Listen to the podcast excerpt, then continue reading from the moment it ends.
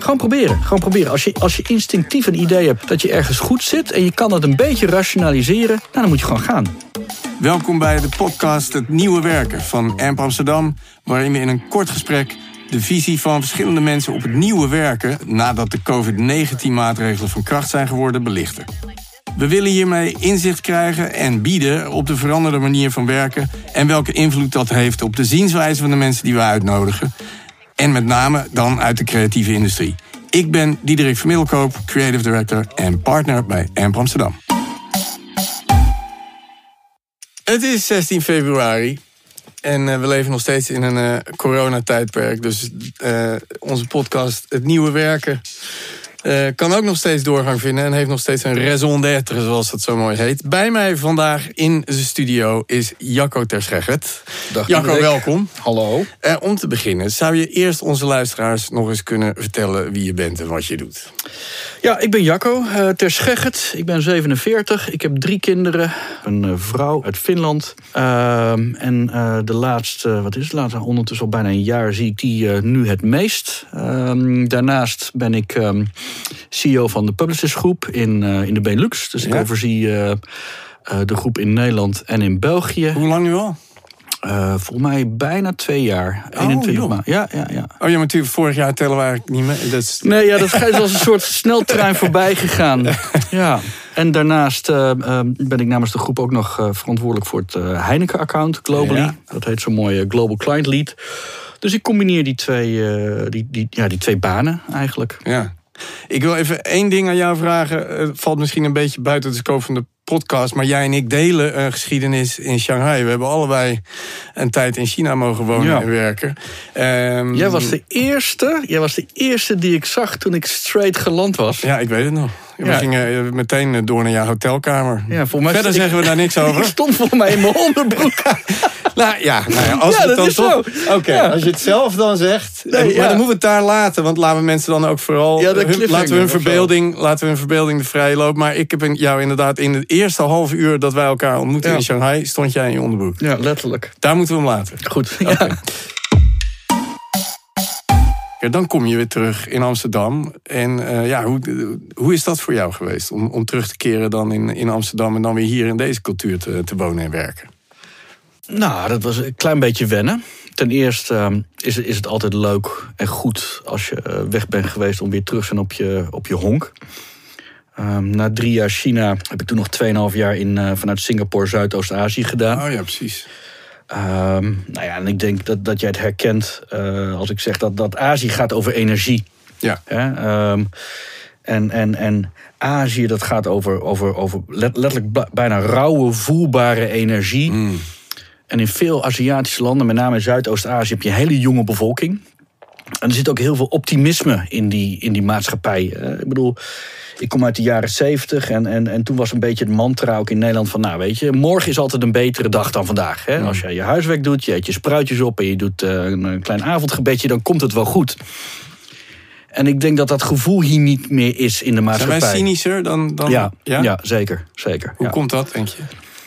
Nou, ik vind dat in, in, in, in het Engels heb je, heb je een woord entitlement. Mhm. Mm -hmm. Ik denk dat heel veel mensen hier een klein beetje entitled zijn. Ik misschien ook onderbewust. Mhm. Heel veel dingen neem je, neem je als vanzelfsprekend. Terwijl als je in, in, in Azië uh, woont en werkt en rondreist... dan zie je dat heel veel dingen niet vanzelfsprekend zijn. Mhm. Hè? Um, als jij je baan kwijtraakt, dan zijn we hier in Nederland uh, gezegend met een maatschappij... waarbij er een vangnet is... Ja. Um, als ik uh, straks niet uitkijk hier uh, en ik uh, steek over en ik word geschept door een auto, dan word ik gewoon opgenomen in een ziekenhuis. Mm -hmm. Ga ze niet eerst vragen waar is de creditcard, meneer. Nee. onze kinderen, weet je, als jij gewoon ook uit een, uit een milieu komt met een beetje afstand tot, tot de arbeidsmarkt, dan kun je gewoon wel een, gewoon een goede school krijgen. Ja. dus die route is misschien wel moeilijker, maar het kan wel. In Azië is het allemaal niet vanzelfsprekend. Dat Nee. moet je het. Uh, als je niet um, um, geboren bent in een bevoorrechte familie, is, is het een langere route. Dus dat, dat, dat, dat stukje bevoorrechten in Nederland, ik vind dat we dat moeten koesteren. Daar moeten we ons van bewust zijn. Dat is in Azië minder. En het, het, het, het aardige is, en dat is een beetje Nederlands, dat vind ik ook wel weer komisch. Maar het, het principe van ja maar. Mm -hmm. Hè, ja, dat is wel heel Nederlands. Ik weet niet hoe jij dat ervaren hebt, maar als je een idee hebt dat mensen zeggen, ja, maar ja. Ja, in, in China hebben ze het vervolgens al tien keer gedaan op een bepaalde manier. En, eh, Ja, dat- ja. Ze, gaan, ze gaan hard en snel. En dan zullen, zal hier iedereen altijd roepen: ja, maar het valt wel meteen weer uit elkaar. Nou, Nou, dat valt wel mee. Dan Ja. probeer ze het nog een keer. ja, Hè, dus- precies. Dus er is wat te zeggen voor die, voor die approach. En dat, dat probeer ik ook toch wel door te voeren in, eh, in ons bedrijf. Of, of in de teams waarmee ik samenwerk. Ja. Nou, ga maar. Probeer het maar. Als het fout gaat, is niet erg. Dan probeer het nog een keer. Maar, maar niets doen is, is erger dan iets doen en falen. Ja. ja, dat is een mooie. Ehm, we leven nu dus al ongeveer een jaar in een pandemie. Ehm, welke veranderingen heb jij zo bij Publicis waar mogen nemen eh, door, door de omstandigheden? Nou, ten eerste natuurlijk het feit dat iedereen gedwongen thuis heeft moeten gaan werken.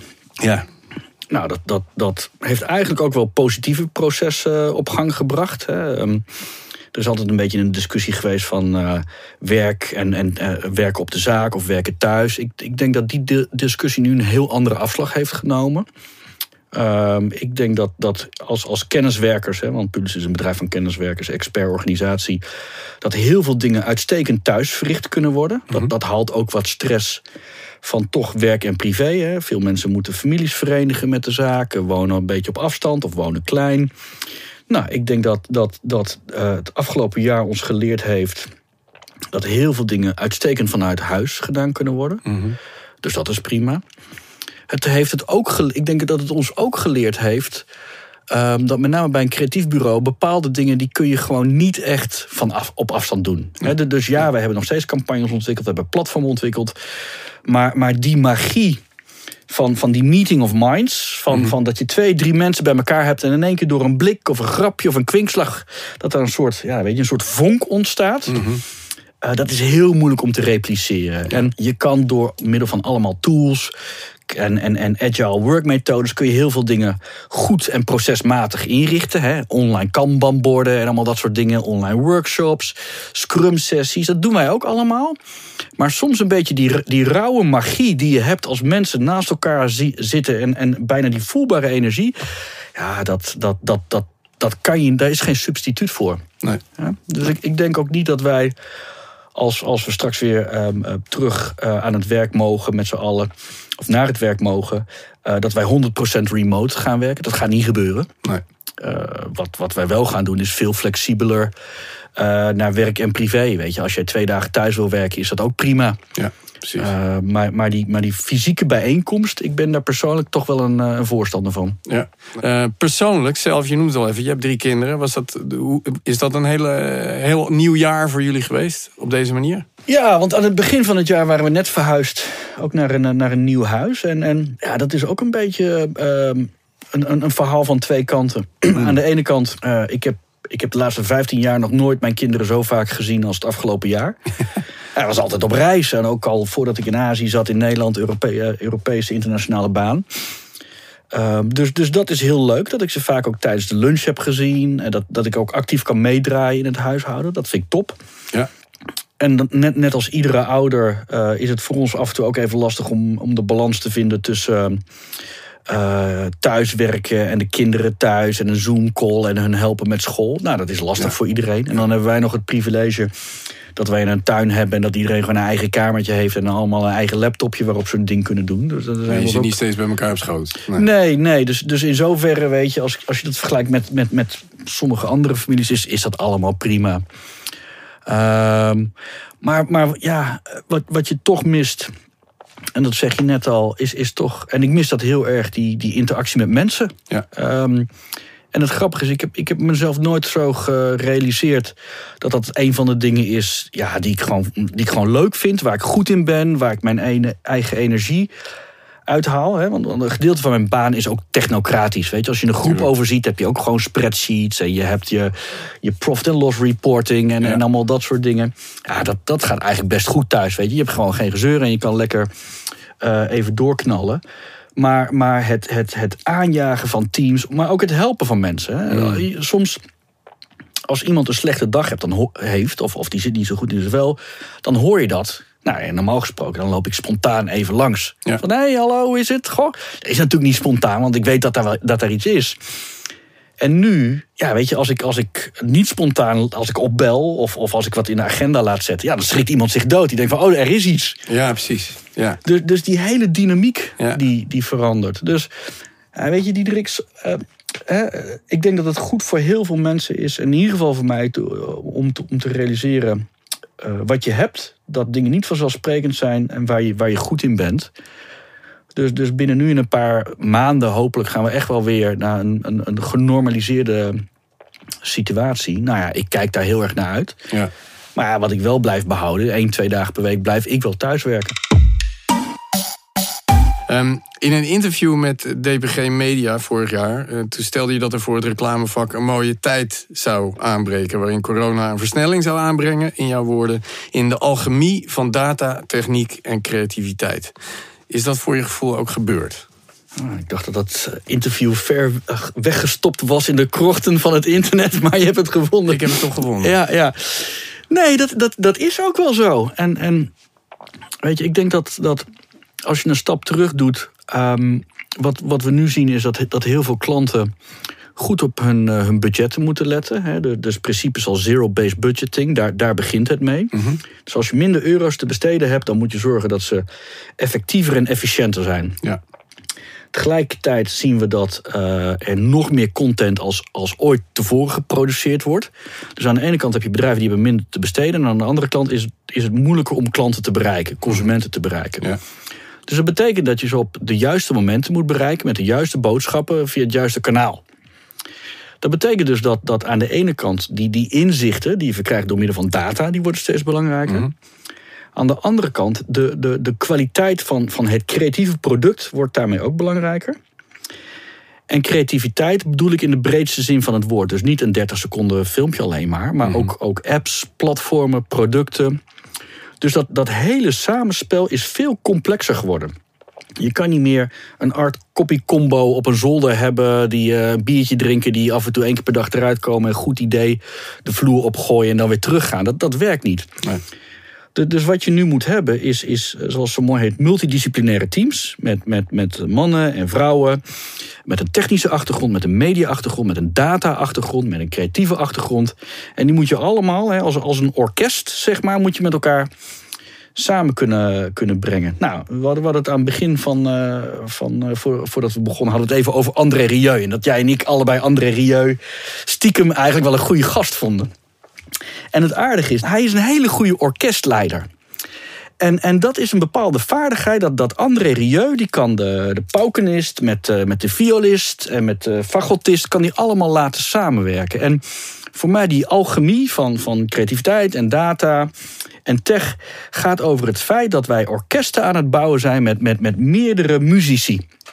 Nou, dat zie je het afgelopen jaar eh, in sneltreinvaart gebeuren. Hè. Dus, dus, dus we zien nu bijvoorbeeld dingen als, als e-commerce. Ook, ook door corona en het feit dat klanten Zeker. minder budgetten hebben. Eh, on, on, eh, dat, dat, dat gaat bijna als een soort paddenstoel schieten die dingen de grond uit. Waarbij het niet alleen gaat over... oké, ik duw allemaal mensen naar, naar mar- marktplaatsen... Hè, zoals bol.com of Amazon. Maar het gaat ook over... Hoe positioneer ik mij daar als merk? Wat voor content heb ik daar? Dus die hele, zoals het zo deftig heet, customer journey. Hè, hoe, hoe ga ik die klant bereiken op welk moment van zijn koopcyclus? Dat wordt steeds, steeds belangrijker. En daar heb je die, ja, die combinatie, die alchemie van die meerdere disciplines voor nodig. Ja. Nou, dan hebben jullie ook eh, net eh, mooi nieuws eh, gehad. Begin januari heb je Eduardo Marquez als CCO. Ja. Benelux mogen verwelkomen. Vorige week, we leven nu op 16 februari zoals gezegd... nieuwe creatieve directie Ja, met Friso. Ludolf en Maarten Vrouwens. Ja. Ja, wat, hoe valt dat in de plannen, zeg maar? Is dat, is dat precies volgens de lijn die je net al hebt uitgestippeld? Ja, Die denkwijze? Nou, wat je zag is vorig jaar hebben we heel erg geïnvesteerd in, in een aantal takken van onze sport. We hebben eh, onze e-commerce eh, unit opgestart, nou, geleid door, eh, door Rick Mulder. Dat gaat als een, dat gaat als een trein. Eh, eigenlijk ook een beetje gedreven door het hele corona gebeuren. Dus we waren eigenlijk per ongeluk net op tijd. Ja, super. Dat was, nou ja, dat, dat was goed. Nou, daarnaast eh, hebben we heel veel geïnvesteerd in onze, in onze mediapropositie. Mooi product gebouwd, Apex, dus dat loopt allemaal. Maar een bedrijf als, als Publicis heeft een creatief DNA. Eh, Uh, en buiten het feit dat ik, dat ik zelf ook een groot gedeelte van mijn leven in, in digitale bedrijven heb gewerkt, geloof ik dat, dat creativiteit aan het eind van de rit het verschil gaat maken. Mm. Dus dat betekent dat, dat we alles mooi op orde kunnen hebben. En we kunnen nog, nog alles zo goede e-commerce offering, of een tech offering, of een, of een media offering. Maar het feit dat wij een, een goed, exceptioneel creatief product leveren en dat creatieve DNA dat is, dat is uh, uh, randvoorwaardelijk. Dus, dus daarom hebben we ook bewust geïnvesteerd. Eerst in, in Eduardo, waarbij we hebben gezegd: van, nou, we willen eigenlijk een internationale topper. Ja. Willen we naar de Benelux halen. Ook omdat we zien dat steeds meer klanten van, van, van buiten Europa of ook vanuit Londen naar Amsterdam trekken. Dus Amsterdam is een uitstekend uh, talentcentrum. Dus, dus, we hebben Eduardo als, als vlaggedrager voor de Benelux-organisatie mhm. gevonden. Die overziet de teams in Nederland en in België. En die heeft vervolgens Maarten en Friso uh, gevonden en aan boord gehaald. Dus ik ben super blij dat die jongens uh, ons komen versterken. Ja, gek. Dus dat is eigenlijk de kers op de taart. Ja. ik quote eventjes Bram Westerbrink, Global Senior Director van Heineken. Die deed eind 2020 de uitspraak. De wereldwijde pandemie betekende dat we moesten aanpassen. Dat inspireerde ons om tot dit nieuwe model te komen, dit nieuwe model te ontwerpen. En hij sprak daarover Le Pub. Uh, een nieuw bureaumodel dat met een unieke positie impactvolle ervaringen creëert die invloed hebben op het dagelijks leven van mensen. Wat mag je uh, hier over Le Pub vertellen? Want dit maakt mij razend benieuwd natuurlijk. Ja, nou, dat, dat verenigt eigenlijk heel veel van die dingen die wij net met elkaar besproken hebben. Dus Le Pub, dat een beetje al, ehm, zien we als onze Big Canvas boutique. Nou, dat klinkt een hmm. beetje fancy, maar dat geeft eigenlijk aan Big Canvas dat, dat Le Pub in het leven geroepen is om op, op, op internationaal niveau ehm, ervaringen voor onze klanten te maken. Dus mhm. dat kan van alles zijn. Dat kan een fantastische storytelling 30-second TVC zijn, dat kan online video, dat kan een Instagram post, dat kan een product, een app, alles kan het zijn maar, maar op, op internationaal uh, level. En boutique betekent eigenlijk dat het een kleine unit is. Uh, zeg maar een soort SWAT-team van mannen en vrouwen. Mm. Dus op dit het moment. zit fysiek ook ergens anders dan het. Ja, ja, ja, dat, dat zit ook in een pub. Dus we zitten cool. boven de hallen. In, ja, ik kan niet wachten. Ja, nee, we hebben bier op tap. Dus als we weer mogen, dan, dan gaan we. Dan ben je uitgenodigd. Uh, maar, maar we zitten dus fysiek met een, uh, met een kleine skeleton crew tussen de vijf en acht mannen en vrouwen. Um, in Le Pub. Terwijl eigenlijk we een headcount hebben van 32. Dus van die uh, nu al, 32 mannen en vrouwen. Uh, en nog groeiende. En dat is eigenlijk ook een heel multidisciplinair team. Dus daar zitten mensen in met een achtergrond in tech, met een achtergrond in innovatie, met een achtergrond in storytelling, met een achtergrond in customer experience, met een achtergrond in data. En die bouwen dus eigenlijk allemaal aan, aan, grote platformen voor Heineken als launching customer. Maar we hebben ondertussen ook twee andere klanten in het vizier. Ja, te gek. Ja, ja um, grensoverschrijdend. Dus daar zijn we heel blij mee. En dat, dat past eigenlijk ook naadloos in die. Um, belofte nu van, van, van Amsterdam, waarbij Brexit ook allemaal een beetje helpt, ja. als, als uh, haven voor internationaal talent. Uh, Heineken, een merk bij uitstek waar muziek al heel lang een hele belangrijke rol heeft gespeeld. Je bent zelf ook een groot muziekliefhebber en als ik me niet vergis, amateurgitarist. Mag geen naam hebben? Nou ja, daarom zeg ik amateurgitarist. Ja. maar hoe belangrijk vind jij uh, muziek voor, voor reclame en merken? Nou, als als je kijkt naar naar reclame, dat gaat natuurlijk over, de, over het feit dat je een emotionele connectie maakt over de as van de populaire cultuur. Mm Nou, een beetje abstract, maar dat zegt dat als je niks voelt bij een commercial, of, of, of, of een andere uiting, want ik zeg nu commercial, maar dat kan eigenlijk van alles zijn. Als je niks voelt, dan is het heel moeilijk om als merk een, eh, een, een, een connectie te maken. En er zijn weinig dingen die, die, die zoveel emotie uh, teweeg brengen bij mensen als, als muziek. Mm en dat, dat kan soms onderbewust zijn, iets van 15 jaar geleden. Maar, maar als mensen muziek horen uit hun kindertijd, dan, dan doet dat iets. Ja. En sommige van de, van de beste commerciële uitingen, commercials, uh, daar zit ook een hele sterke soundtrack onder. als je mhm. kijkt, Sony Bols dat, dat is iconisch. Of, ehm, eh, en die, die kennen we in Nederland niet, maar, maar dan moeten de luisteraars maar eens even gaan, uh, gaan googlen. Dat is Cadbury's Gorilla. Je, dat, dat is een, gewoon een, een, gast in een gorilla pak. Het ziet eruit als een gorilla. En die is gewoon 60 seconden lang uh, In the Air Tonight van Phil Collins aan het drummen. Ja, grappig dat je die noemt, want die specifieke commercial is door een aantal internationale test agencies uh, echt huizenhoog Ja, getest ja. als uh, uh, ja, hoe memorabel die is. Ja. En dan met name door ja, eigenlijk de musical angle die ze daar gekozen hebben. Een totaal onverwachte creatieve hoek. Want er zit daar een- Gorilla gaat in één keer drummen. Precies. Ja. De keuze van track. En dus die magische combinatie. Ja, die dat heeft- is echt magie. En, en voor Absoluut. mij, um, Cadbury's Gorilla. Als, als daar een junior brand manager naar zijn CEO was ge- gegaan. En dan praten we al over. Nou, bij 15, 20 jaar Zeker, geleden. ja. Ja. Ik ga een gorilla laten drummen op, Ja. op Phil Collins. En dan gaat de CEO zeggen van... Oké, maar waar komt het product dan in voor? Ja, het product komt er helemaal niet in voor. Nee. Had hij gezegd, ja, ben je gek. Ja. Maar volgens mij heeft die commercial in zijn eentje ervoor gezorgd... dat de chocoladecategorie in, in, in Engeland met 2% gestegen is. Nou, ik geloof het meteen. Ik geloof het meteen. En dat, dat geeft voor mij de, de, de kracht van muziek en de kracht van creativiteit aan. Het tij zit ons wel mee, moet ik zeggen. En dat zal jij denk ik ook alleen maar plezierig vinden. De, het, de waarde van muziek en geluid voor merken is in het afgelopen, ook door het coronatijdperk, eigenlijk alleen maar gestegen. Dus het is wel iets waar merken meer en meer voor openstaan. En daarmee staan dan ineens creatieve bureaus er ook weer meer open voor. En hebben we dus weer veel meer om op samen te werken. Nou, maar om, zeker ook om die emotionele connectie te maken. Ja. En, en, en je ziet dat, dat in, in een tijdperk waarin het steeds moeilijker wordt om, om ehm, door, en dat, dat in de, heet in de industrie zo mooi, hè, breaking through the clutter, om, om door, de, door, de, ja, door de barrière heen, heen, heen te, te breken. Daar heb je soms maar een paar seconden de tijd. En het aardige is, mu- muziek maakt een soort mentale connectie met de consument. Mm. Waardoor je eigenlijk als merk ook de gelegenheid krijgt om een iets langer verhaal te vertellen. Ja. Dus muziek is super belangrijk. En sterker nog, als wij pitchen. eh, is, is bijna al op de eerste dag, als wij praten van oké, we, moeten, we moeten een soort moodfilm moeten we doen, Mhm.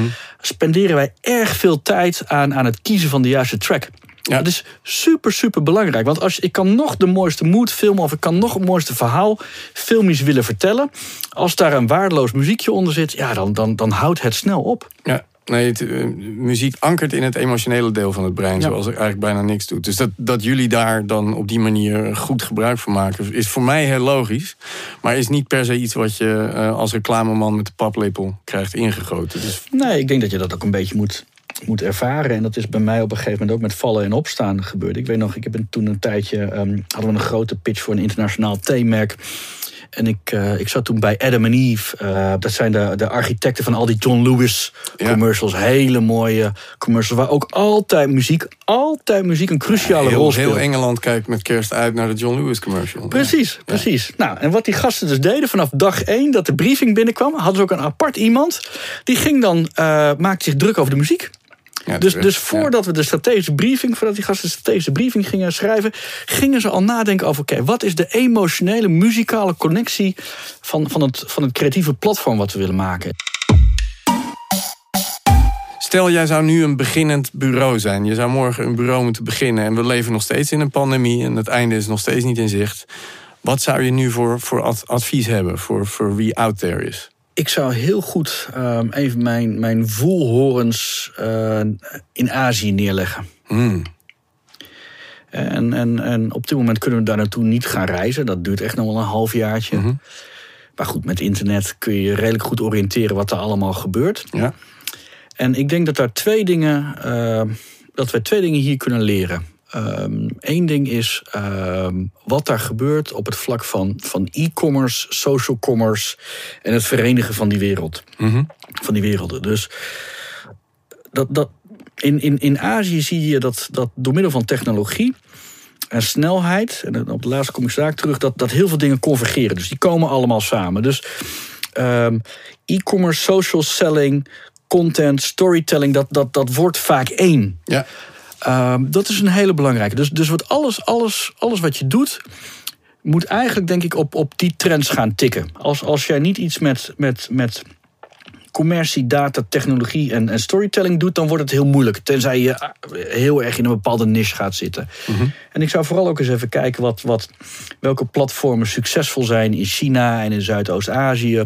Dat betekent niet dat die één op één hier komen, maar dat, dat geeft wel een bepaalde richting en een beweging aan van, eh, van wat onze kant op komt. Een ander mooi voorbeeld is, is wat zo mooi heet digital. Dus het verenigen van fysiek en digitaal op de, op de winkelvloer. Ja. Nou, als die winkels straks open gaan, wordt dat een enorme eh, drijver van, van, van, van eh, klanten in de winkel. Dat, Ja. dat, dat zien we al in Azië, experience centers. Nou, ook al in jouw tijd in, in, in Shanghai. Enorme ehm, eh, ervaringen op, op de winkelvloer. Hè. Of dat een Nike flagship store is, of zelfs kleiner, veel intiemer. Ja, absoluut. En, en daarnaast, dus dat, dat, gaat, dat is een beetje inhoudelijk. En de tweede, mijn tweede advies zou zijn op de manier waarom. Ik, ik zou veel meer experimenteren, veel meer dingen proberen. eh, veel meer eh, in een soort start-up manier dingen gaan doen. We, hebben, we hebben soms een beetje de neiging om, om een plan helemaal tot, tot en met de laatste Excel-cel door te denken. En dan op het moment dat, dat, dat je de markt gaat betreden, dan is een concurrentje al voor geweest. Dus probeer het gewoon maar. Gewoon proberen. Gewoon proberen. Als, je, als je instinctief een idee hebt dat je ergens goed zit en je kan dat een beetje rationaliseren, nou, dan moet je gewoon gaan. En als het niet lukt, prima, dan, dan, dan stuur je je bij. Maar ik denk dat wij af en toe te vaak zoeken naar een, een vals gevoel van zekerheid, omdat het zo mooi in de PowerPoint-slide of in de Excel past. En zo, zo werkt het leven niet. Wat, wat is voor jou een persoonlijke uitdaging? Waar je bijvoorbeeld naar uitkijkt of waar je, waarvan je zegt... daar ben ik te weinig aan toegekomen. Of misschien heeft, ben je door corona wel deels geïnspireerd door dingen. Maar wat zie jij als een uitdaging voor de toekomst? Nou, ik wil een betere gitarist worden. dat klinkt heel stom, hè? Maar ik ben eh, afgelopen jaar... Want ik had daar eerder daarvan... Ik was in, eh, in Azië begonnen met gitaarspelen... en ik had niet zoveel tijd en eh, aan het reizen... en dan kan je je gitaar niet altijd meenemen. En ik heb nu, nu eh, veel meer gitaar kunnen spelen. En, en nou, dat herken je misschien wel. Maar als je meer speelt, dan heb je het idee dat je een bepaald level komt. Dan, Ja. dan, dan zie je dingen die je daarvoor niet, niet gezien Het hebt. is net als met een taal. Ja, ja. En dat, dat was voor mij een, een, een, een openbaring. Want ik dacht altijd van, nou, weet je, muziek en gitaar spelen, dat is te moeilijk voor mij. En toen heeft mijn vrouw me vijf jaar geleden gewoon een gitaarcursus gegeven. Met een leengitaar. En toen had ik zoiets van, hé, hey, dat, dat, dat kan ik. En ik ben, ik ben niet goed en ik word nooit goed, maar ik vind het wel leuk. Ja. Dus, dus, en het rare is, ehm, voor mij is dit een vaardigheid die zo, die zo haaks of zo anders is dan wat ik dagelijks doe. eh, dat ik het daarmee een hele grote uitdaging vind om beter te, te worden. En het, het is best moeilijk, want ik- ja, ik, ben, ik ben niet een natuurlijk eh, muzikus, maar ik vind het wel mooi. Ik vond het een heel mooi cirkeltje rond zo.